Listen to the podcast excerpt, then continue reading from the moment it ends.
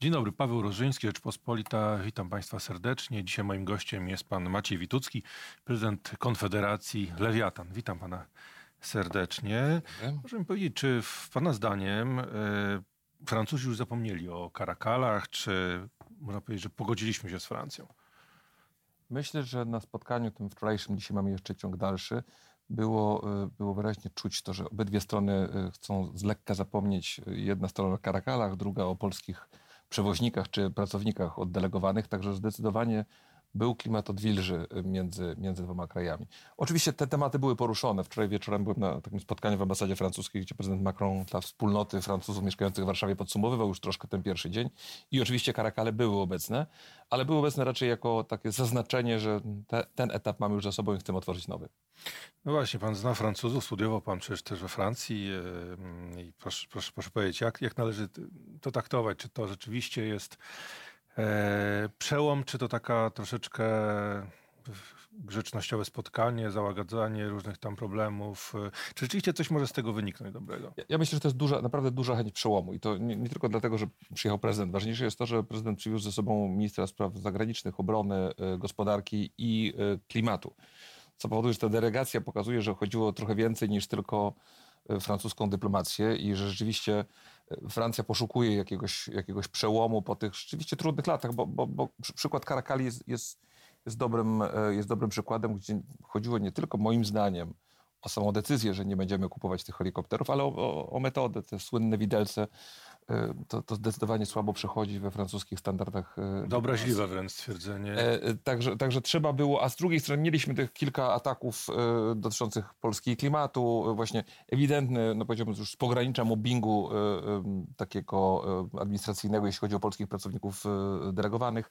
Więc, więc były napięcia z obydwu stron, ale to jest bardzo wyraźny sygnał, że Francja szuka zmiany w relacjach polsko-francuskich. Mhm. Ale to pytanie, co możemy na tym zyskać, na zmianie tej relacji? Czy umocni to pozycję Polski, polskiego biznesu? Ja myślę, że to jest związane raz z tym, że nie można ignorować 37-8 milionowego kraju y, w środku, w środku Europy, szczególnie w takiej układance, w której znika Wielka Brytania.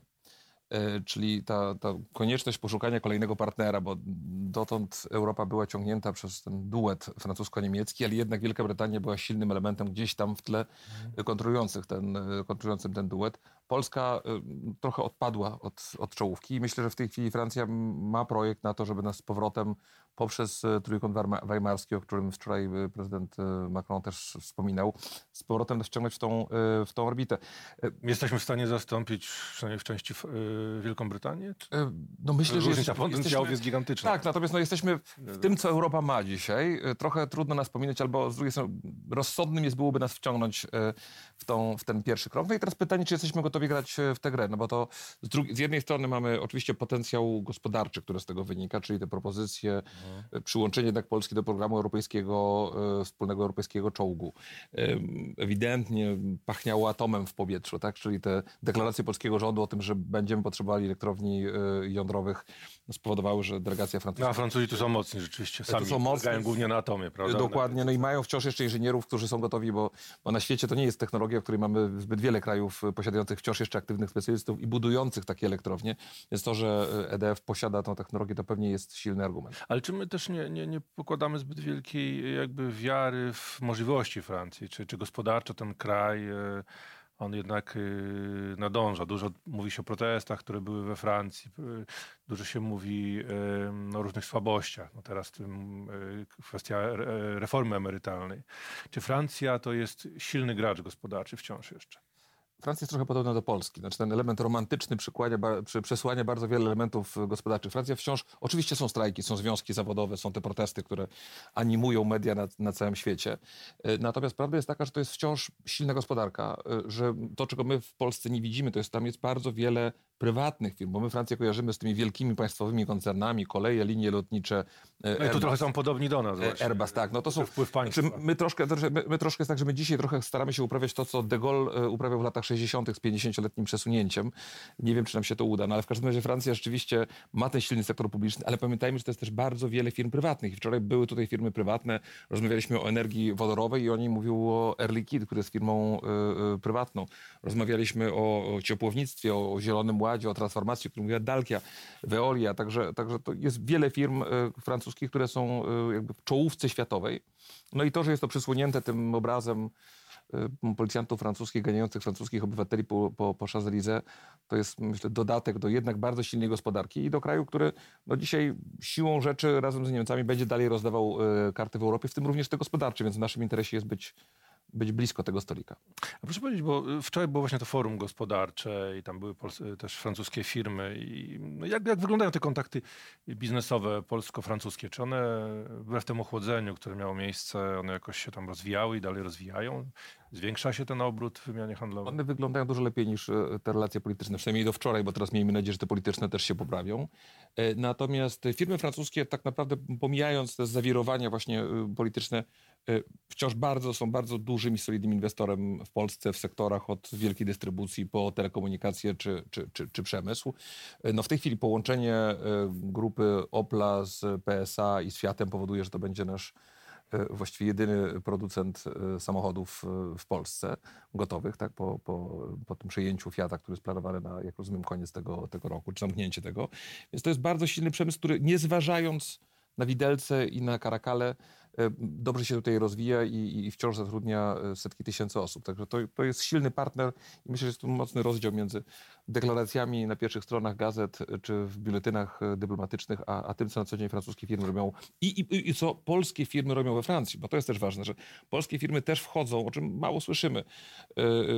Takie firmy były wczoraj obecne na, na, na forum, które wchodzą do Francji, inwestują we Francji. To nie jest łatwe, bo ta kultura rzeczywiście pracy, związki zawodowe, no jest to zasadniczo różne i dużo bardziej egzotyczne niż nawet polski przemysł górniczy, y, no ale najwyraźniej Polacy dają sobie radę również. A gdzie jesteśmy obecni y, we Francji na przykład? No byliśmy na, na, oczywiście na budowach, tak, i pracownicy delegowani, których tam pracowały setki tysięcy.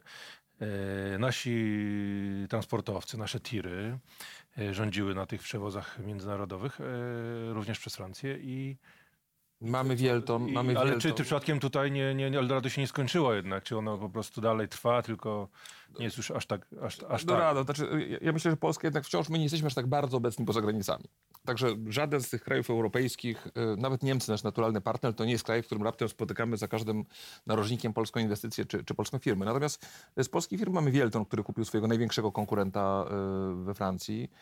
Y, mamy nowy styl, który jest bardzo obecny w sektorze mebli y, y, biurowych i wykańczania biur na rynku francuskim. Także mamy firmy, które są tam widoczne i, i które sobie z tym rynkiem i jego specyfiką dobrze radzą. No w, w Polsce, jeśli chodzi o Francję, to chyba najbardziej widoczne są hipermarkety. Tutaj mamy Leclerc i Auchan. Tak, no mamy to, to tra tradycyjnie jest to, są to sieci handlowe. Tak, tak no dzisiaj, dzisiaj rzeczywiście cierpiące ze względu na podatki e, sektorowe wszelkiej maści, bo oni są takim łatwym, dużym celem. Nikt nie sprawdza, jaka jest ich rentowność, więc oni zarówno... No właśnie, czy to nie będzie kolejny element zadrażnień, prawda? Ja nie wiem, czy zadrażnień. To może być strata, element straty dla, dla polskiej gospodarki. No, gdyby się raptem okazało, że e, odparuje nam ta część e, sprzedaży wielkopowierzchniowej, no to zmniejszy nam się Y, konkurencja. Jednak Polska zawsze była dumna z tego, że ten rynek był taki otwarty i konkurencyjny. Jeśli teraz go zawęzimy do... Y, I z drugiej strony hipermarkety są w odwrocie.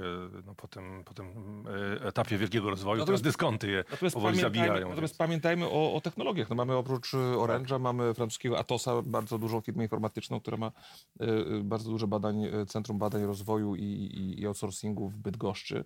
Także to, są, to, to, nie tylko, to nie tylko hipermarkety. Jest Michelin, mamy, mamy produkcję, produkcję sektora samochodowego, także francuskich inwestorów jest, jest bardzo wielu. No, Francja dzisiaj, jeśli ma jeden element takiego gospodarczego, powiedziałbym, zadrażnienia, ale on jest raczej typu ambicjonalnego, to jest to, że mamy negatywny bilans handlowy z Francją i on wynika głównie z eksportu polskiej żywności do Francji. No i tutaj dla kraju, który jest dumny ze swojego, swojej kultury stołu i swojego jedzenia, to jest, powiedziałbym, taki ambicjonalny element, z którym oni zapewne bardzo chcieliby zrównoważyć nasze mięso, mleko i owoce francuskimi serami i winami, no ale na to przyjdzie. No, mogą bardzo łatwo zrównoważyć, e, sprzedając tam na przykład tam kilka okrętów podwodnych. Na to bardzo liczą. No tak, rzeczywiście z tych, z tych dużych, z tych dużych e, elementów myślę, że, że pierwszy to jest, to jest energetyka, czyli ten, ten zielony ład i to, że w Polsce mamy 80% energii produkowanej z węgla i że e, nawet jeśli węgiel kamienny będziemy wciąż mogli importować, to węgiel brunatny jest nieimportowalny, a zaraz nam się dziury w ziemi skończą, powodują rzeczywiście ta, ta stała, stała moc energetyczna jest, jest na potrzebna potrzebna. No i tu wybór jest, jest w sumie niewielki, bo to będzie albo, e, albo atom, albo bloki gazowe. Energetyka to jest największe pole To jest chyba takie najbardziej konkretne, bo, bo, bo zakupy zbrojeniowe, ja, ja nie chcę komentować logiki naszych zakupów zbrojeniowych, więc... A nie boi się pan tych ciągotek protekcjonistycznych francuskich? No, no, mieliśmy właśnie delegowanych, mieliśmy y, przykłady kierowców, y, tirów.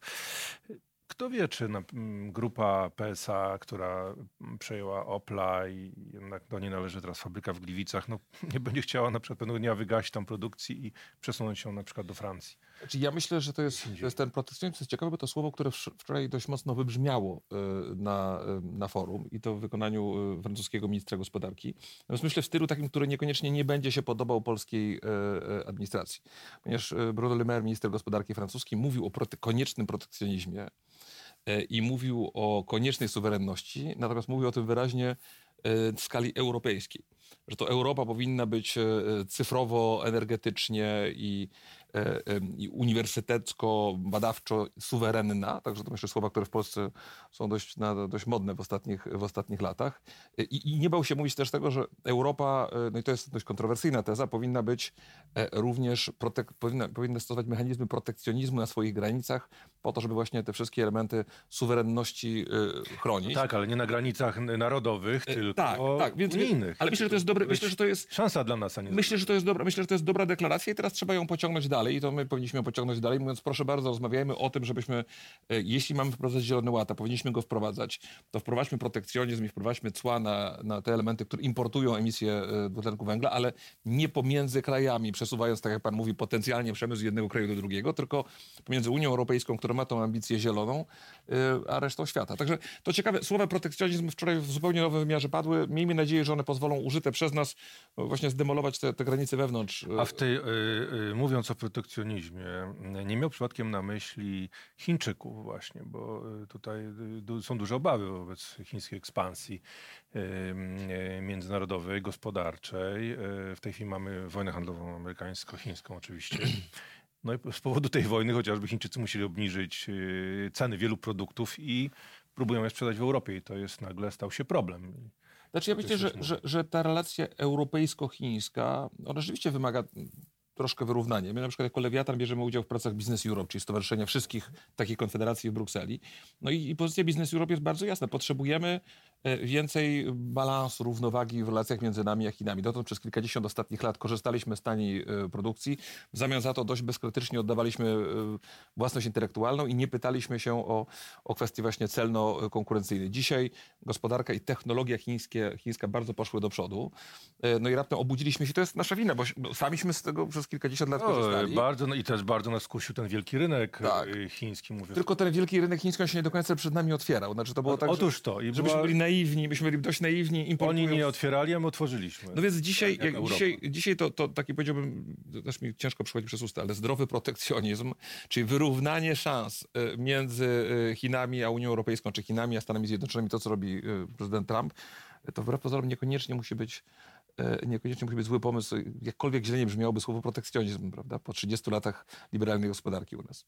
No właśnie, ale mamy dosyć e, no, specyficzną sytuację związaną z, z koronawirusem, który się pojawił. E, I tu się może okazać, że bardzo mocno uderzy on w Chiny. Tak? Czyli może, może się okazać, że to, co prezydent Trump chciał zrobić z cłami, rozmaitymi sankcjami, walką z koncernem Huawei na przykład, nagle będzie mógł osiągnąć, czyli osłabienie Chin gospodarcze, będzie mógł osiągnąć y, poprzez y, przyczynę, od nie zależy, czyli koronawirusa, hmm. który jest ogromnym obciążeniem dla tamtej gospodarki, ogromnym ciosem.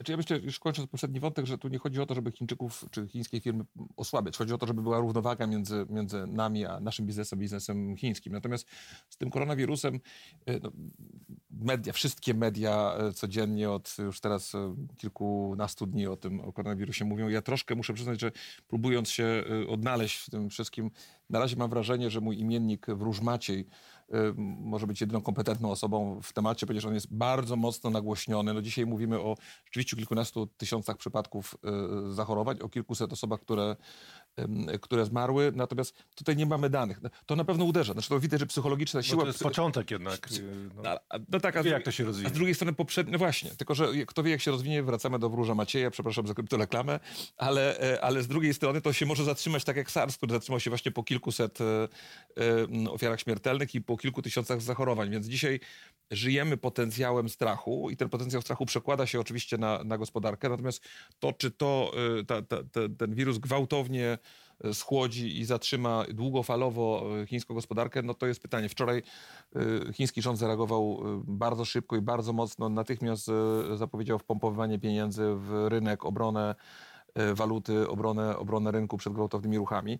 No i myślę, że najbliższe tygodnie pokażą. Jest bardzo trudno, no, po pierwsze nie jestem specjalistą, po drugie naprawdę e, w historii nie mamy dotąd nic oprócz, e, oprócz dwóch, trzech podobnych wirusów, które zatrzymały się w miarę szybko. No i oczywiście strachu z opowieści science fiction, ale to chyba nie... Tak, ale z drugiej strony gospodarka, jednak światowa gospodarka wydaje się dość słaba w tym momencie. Ona doszło do spowolnienia.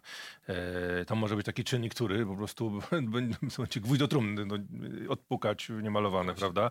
Natomiast no, to też y, oddziałuje na nas. No, ten wskaźnik PMI e, właśnie opublikowany, to już chyba 15 miesiąc z rzędu, e, kiedy to, ten PMI jest poniżej 50 punktów, tak? czyli e, no to jest słaby dosyć rezultat. No I z drugiej strony mamy, mm, mamy sytuację ze zwolnieniami. No największa fala zwolnień w polskiej, polskim przemyśle od roku 2009, od kryzysu.